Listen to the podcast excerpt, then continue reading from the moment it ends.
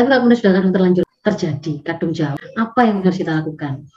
Pertama itu berhenti dulu ya, berhenti dulu dalam arti ambil kesempatan untuk introspeksi, kenali, pahami kenapa ya sampai terjadi seperti ini. Kenapa kemarin itu kalau saya itu bicara dengan anak saya itu mesti jadi gegeran. Kenapa kok dia seperti benci pada saya, benci pada ibunya, benci pada keluarga ini, nggak kerasan di rumah ini. Coba dicari-cari, cari-cari, karena kemudian ketahui lah. Oh iya, ternyata karena kemarin itu saya salah melakukan perlakuan padanya, nggak sesuai dengan periodisasi tumbuh kembangnya. Anak umur 2 tahun, tiga tahun, dia ke, kepreset, dia jatuh, dia menjatuhkan sesuatu, kita cetoti, kita apa. Padahal ternyata ketika kita itu belajar, kita tahu Salah, tidak boleh ada begitu. Tidak dikenal yang namanya sanksi sebelum anak umur 7 tahun. Tidak dikenal sanksi fisik sebelum 10 tahun. Itu nggak ngerti. Seharusnya kemudian nggak mengenalkan neraka dulu sebelum mengenalkan surga. Nggak mengenalkan perang dulu sebelum mengenalkan kebaikan-kebaikan. Kan begitu kan ya.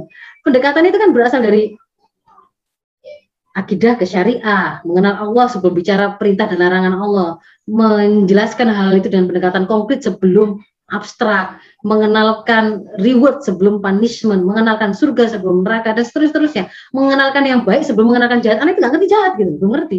Baik dulu sampaikan, baru nanti akan dia fasenya dia setelah ngerti yang baik itu apa, dia baru kemudian dikenalkan dengan jahat. Nah ini, oh ternyata karena saya tidak tidak mengilmuinya, ya, ya ilmu agamanya, ya ilmu tumbuh kembangnya, ya ilmu tentang pendidikan pengasuhan anaknya, dan seterusnya sampai pada tataran hari ini saya itu bahkan blank. Anak-anak itu apa sih yang saya apa yang dia lihat gimana sih kemudian teknologi ini berjalan dia nggak ngerti sama sekali.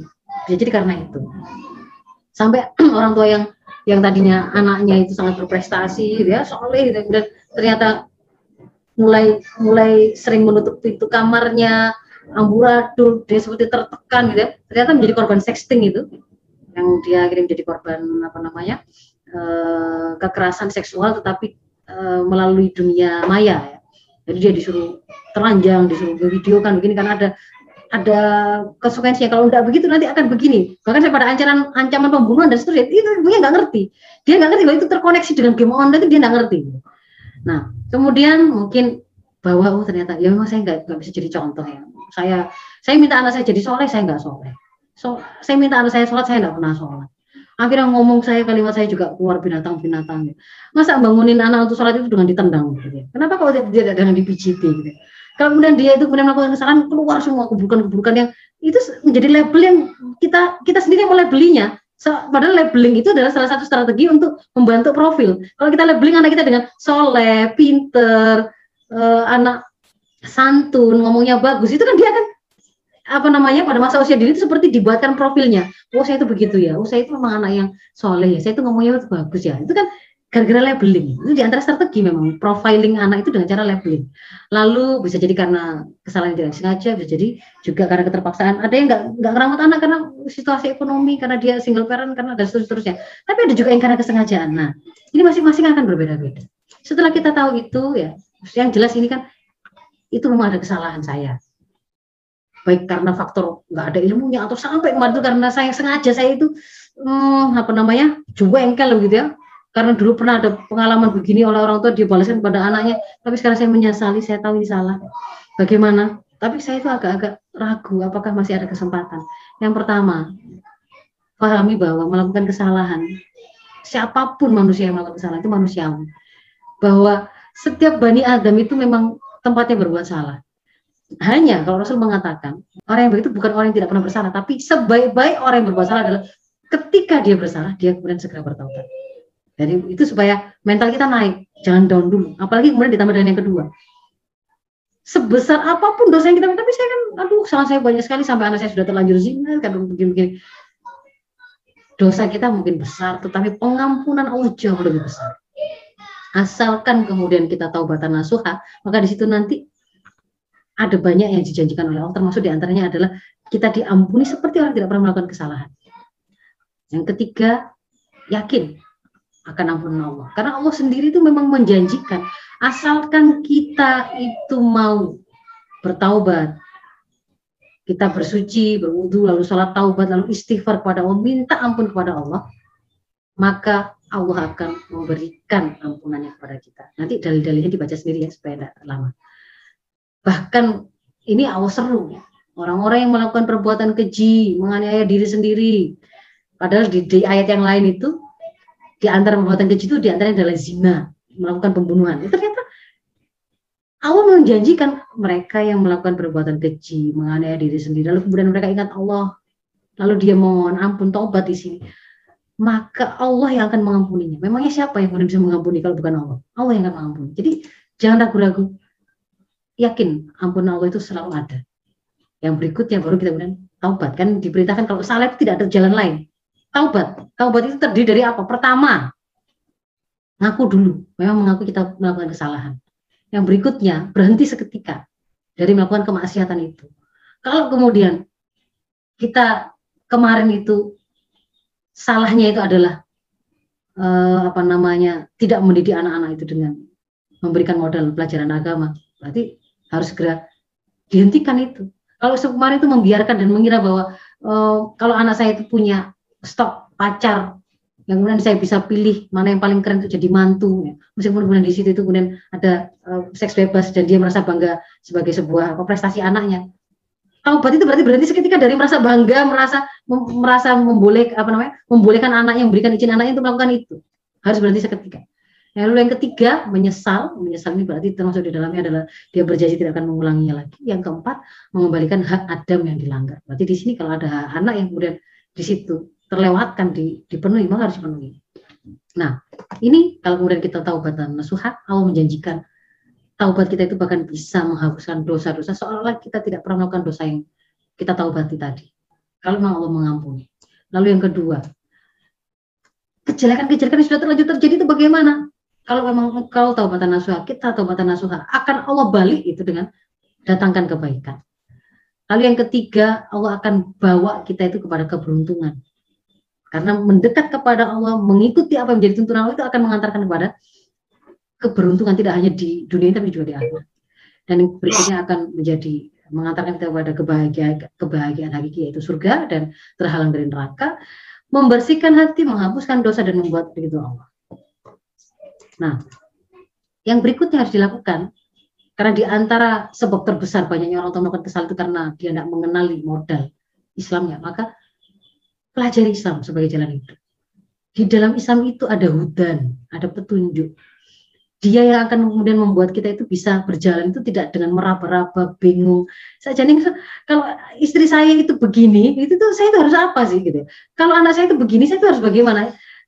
Kalau kita itu punya ilmunya maka kita akan tahu kita akan tahu ilmu itu akan mengerem kita untuk tidak melakukan kesalahan Kalaupun kemudian suatu saat kita tuh hilang, ilmu itu tadi pun juga akan kemudian mengingatkan kita lebih mudah untuk mengembalikan kita kepada kebenaran. Tapi kalau tidak pernah ada dalam memori kita, dalam informasi yang kita punya ilmu atau sakofa pemahaman tentang agama ini, susah. Mau kita cari ke mana-mana juga susah gitu.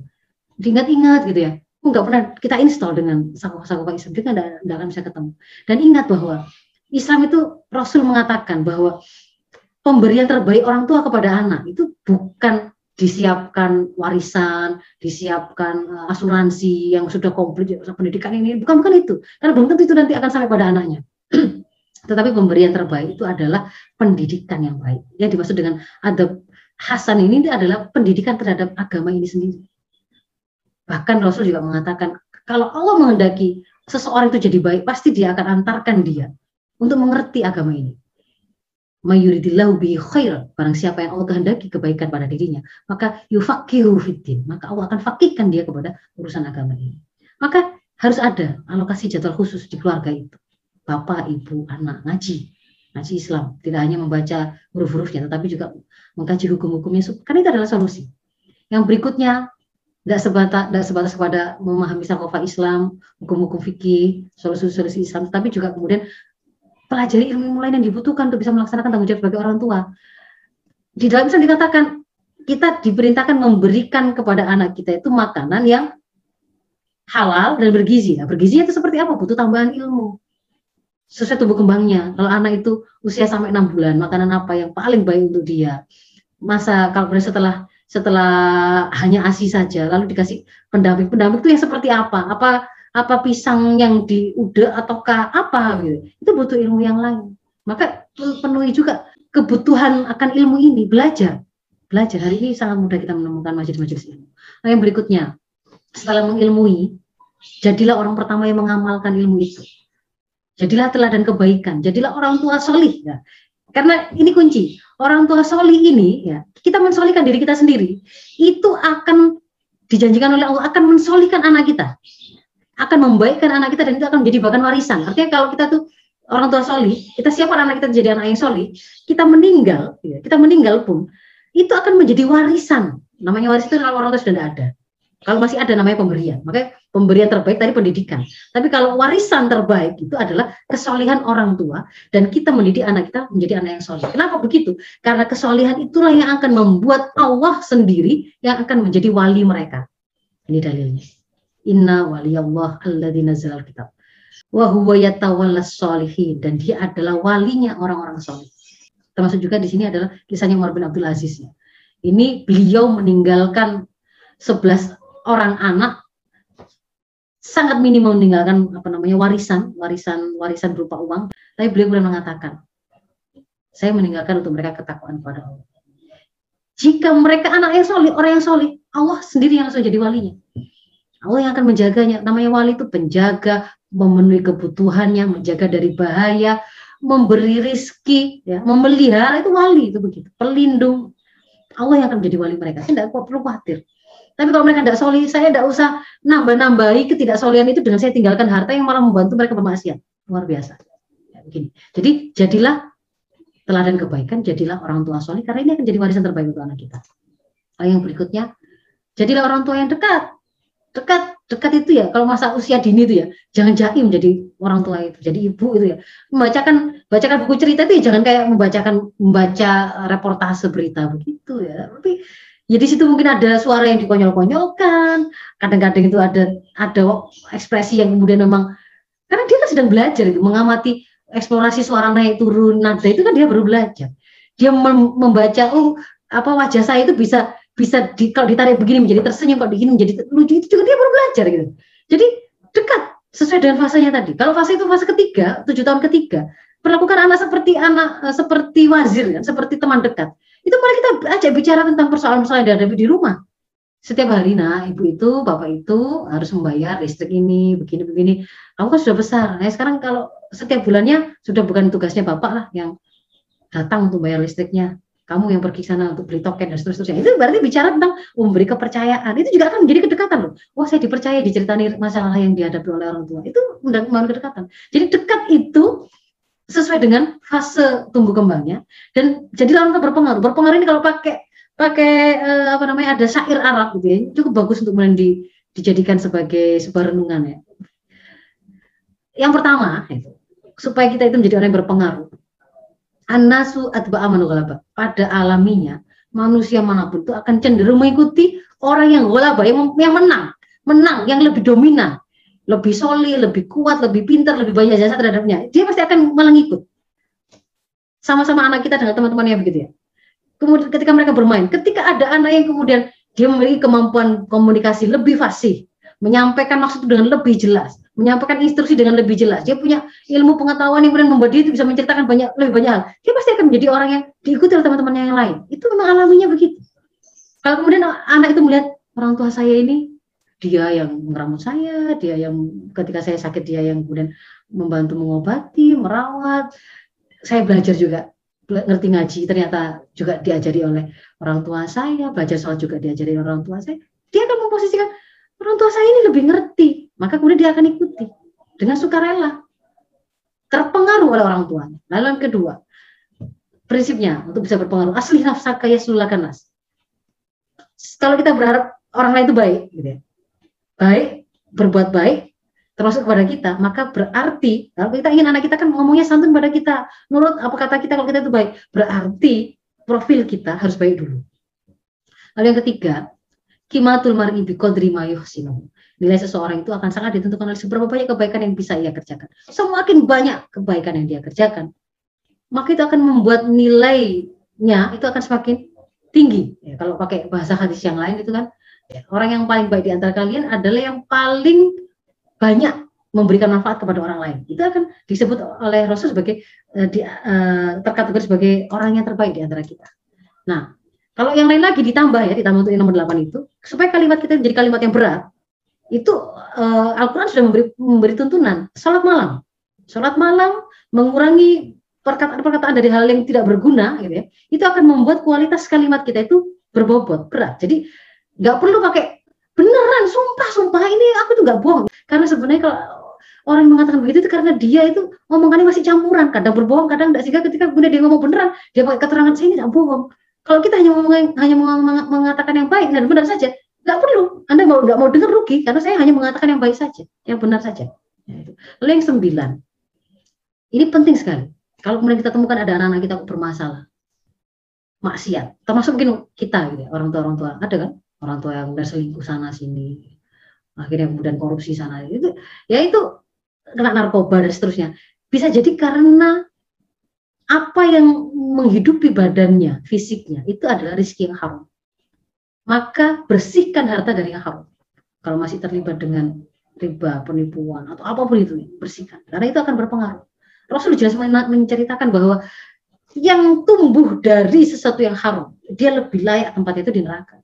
Artinya memang akan dibawa ya hasil makan-makan yang haram akan dibawa untuk melakukan kemaksiatan. Memang akan terdorong untuk melakukan maksiat. Akhirnya mengantarkan kepada neraka tadi. Gitu. Lalu yang sepuluh tidak bisa tidak. Kalau sudah terlanjur, namanya terlanjur itu harus diputus. Diputus mata rantai itu dengan cara apa? Ngaku. Ngaku salah kepada anak kita. Nah, karena kalau tiba-tiba, tapi kan apa nggak bisa atau Ustazah saya itu pokoknya langsung berubah jadi baik saja. Nggak bisa. Karena sebelumnya anak itu punya memori tentang kita itu seperti apa. Nggak pernah ngajak ngomong. Setiap setiap panggil nama itu kalau nggak nyuruh ya marah-marah gitu ya. Hanya itu saja. Tidak pernah kemudian kok sekarang tiba-tiba ibu saya kok kamu sudah makan belum nak? Itu aneh bagi anak itu. Sampaikan di situ. Ya memang kemarin itu ibu salah. Karena ketidaktahuan, karena kekurangan ilmu, ibu melakukan kesalahan begini, bapak melakukan kesalahan begini. Sekarang ibu mengerti, ayah mengerti, kita mau bertobat. Kita minta maaf kepada kamu nak, begini begini. Sampai karena kita memang sampai anak itu keluar keridoannya memaafkan. Karena kalau nggak begitu nanti yang namanya tembok yang menghalangi kita hubungan kita dengan anak tidak akan hancur. Karena dia masih menyimpan. Sebenarnya tidak belum memaafkan. Jadi minta maaf. Lalu kemudian ke depan insya Allah ibu bapak komitmen memperbaiki. Kita semua akan berubah menjadi baik. Diawali dengan kita melakukan apa? Melakukan apa? Ngaji kita mulai belajar sama-sama kita mulai sholat kita kita kita luruskan lagi sholat kita kalau nanti ada yang ada yang melakukan kesalahan saling mengingatkan. Jadi dibuat komitmennya. Jadi dia tahu oh ini berarti memulai babak baru tuh ceritanya. Kan seperti itu. Tertangkap oleh anak. Kemudian berikutnya kalau memang kalau memang e, persoalan yang terjadi itu sudah di luar kemampuan untuk menyelesaikan sendiri. Misalkan sudah kadung e, apa namanya adiksi narkoba.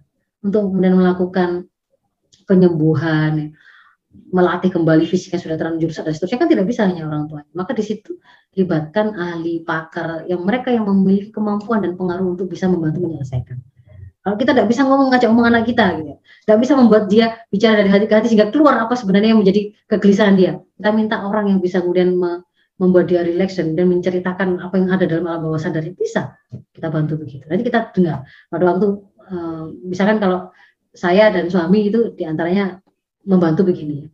Itu juga begitu. Jadi anaknya ketika dirilekskan, orang tuanya kan mendengar. Meskipun dia tidak terlibat di situ, dia mendengar di situ kan akan tahu isinya begini-begini anaknya itu terkait dengan terkait dengan orang tuanya itu penilaiannya seperti apa dia akan dengar. Nah di situ kemudian kita jadi bisa memetakan apa, eh, apa PR untuk orang tua, apa PR untuk anak, apa PR bersama dan seterusnya. Nah, kalau kemudian sudah minta tolong, lalu dibuatkan program, berarti punya komitmen menjalani program penyelesaian sama-sama bekerja sama. Mungkin berat mungkin di situ ada yang mutung ada yang tapi harus tetap istiqomah ya istiqomah. Misalkan ibu diajari ada yang kandungan anak anaknya ganti telepon. Kalau perlu ganti tempat tinggal dulu gitu ya. Kemudian eh, apa namanya jangan sekali-kali kemudian menyerah ketika anak itu kelihatan saya kesakitan begini-begini jangan. Diberikan yang dia minta karena dia minta puto dia minta jangan. Tapi tetap bertahan meskipun terasa sangat menyedihkan. Nah itu di situ kan membutuhkan komitmen dan apa namanya ke komitmen itu sampai pada tataran dia realistis itu dalam aksinya gitu. Terus dikuatkan satu sama lain. Dan berikutnya adalah lindungi anak kita itu dari lingkungan dan pergaulan yang rusak. Karena kita bicara me, membesarkan anak mendidik anak itu bukan hanya sendirian. Memang kita adalah sekolah dan guru pertama, tetapi berikutnya dia mulai mengenal sekolah formal. Di situ ada sekolah, di situ ada masyarakat sekolah besar. Karena dia berinteraksi, bermuamalah, bergaul itu di sekolah besar itu di tengah-tengah masyarakat. Dan di tengah masyarakat itu sebenarnya sangat dipengaruhi interaksi yang terjadi itu oleh kebijakan atau uh, sistem apa yang diberlakukan oleh negara. Nah, yang berikutnya jangan putus asa. Kita itu tidak mendidik sendirian. Ada Allah, maka didiklah bersama Allah, mendidik bersama Allah. Setiap kali kita melakukan ikhtiar, di dalamnya itu juga ada doa, harapan yang kita langitkan kepada Allah, kita mintakan dan akan Allah terserah oh, bagaimana mekanisme menyambungkannya kepada anak kita itu. Termasuk kalau LDR itu ya. Itu kan kisahnya Nabi Ibrahim itu kan begitu. Meskipun LDR itu ternyata bonding tetap kuat karena di situ ada di antara yang strategi yang salah satunya adalah doa yang selalu dilangitkan. Jadi terus nanti oh bagaimana menjaga anak kita itu mungkin dia pertemukan anak kita itu dengan orang-orang soleh yang menjaganya, orang-orang yang senantiasa membantu itu kita tidak tahu. Bahkan mungkin orang tua yang sudah ada, Allah siapkan. Allah siapkan sistem yang akan membuat anak kita itu menjadi apa yang kita langitkan tadi, yang kita mintakan kepada Allah. Maka jangan lupa untuk tetap berdoa. Punya harapan terbaik untuk anak kita.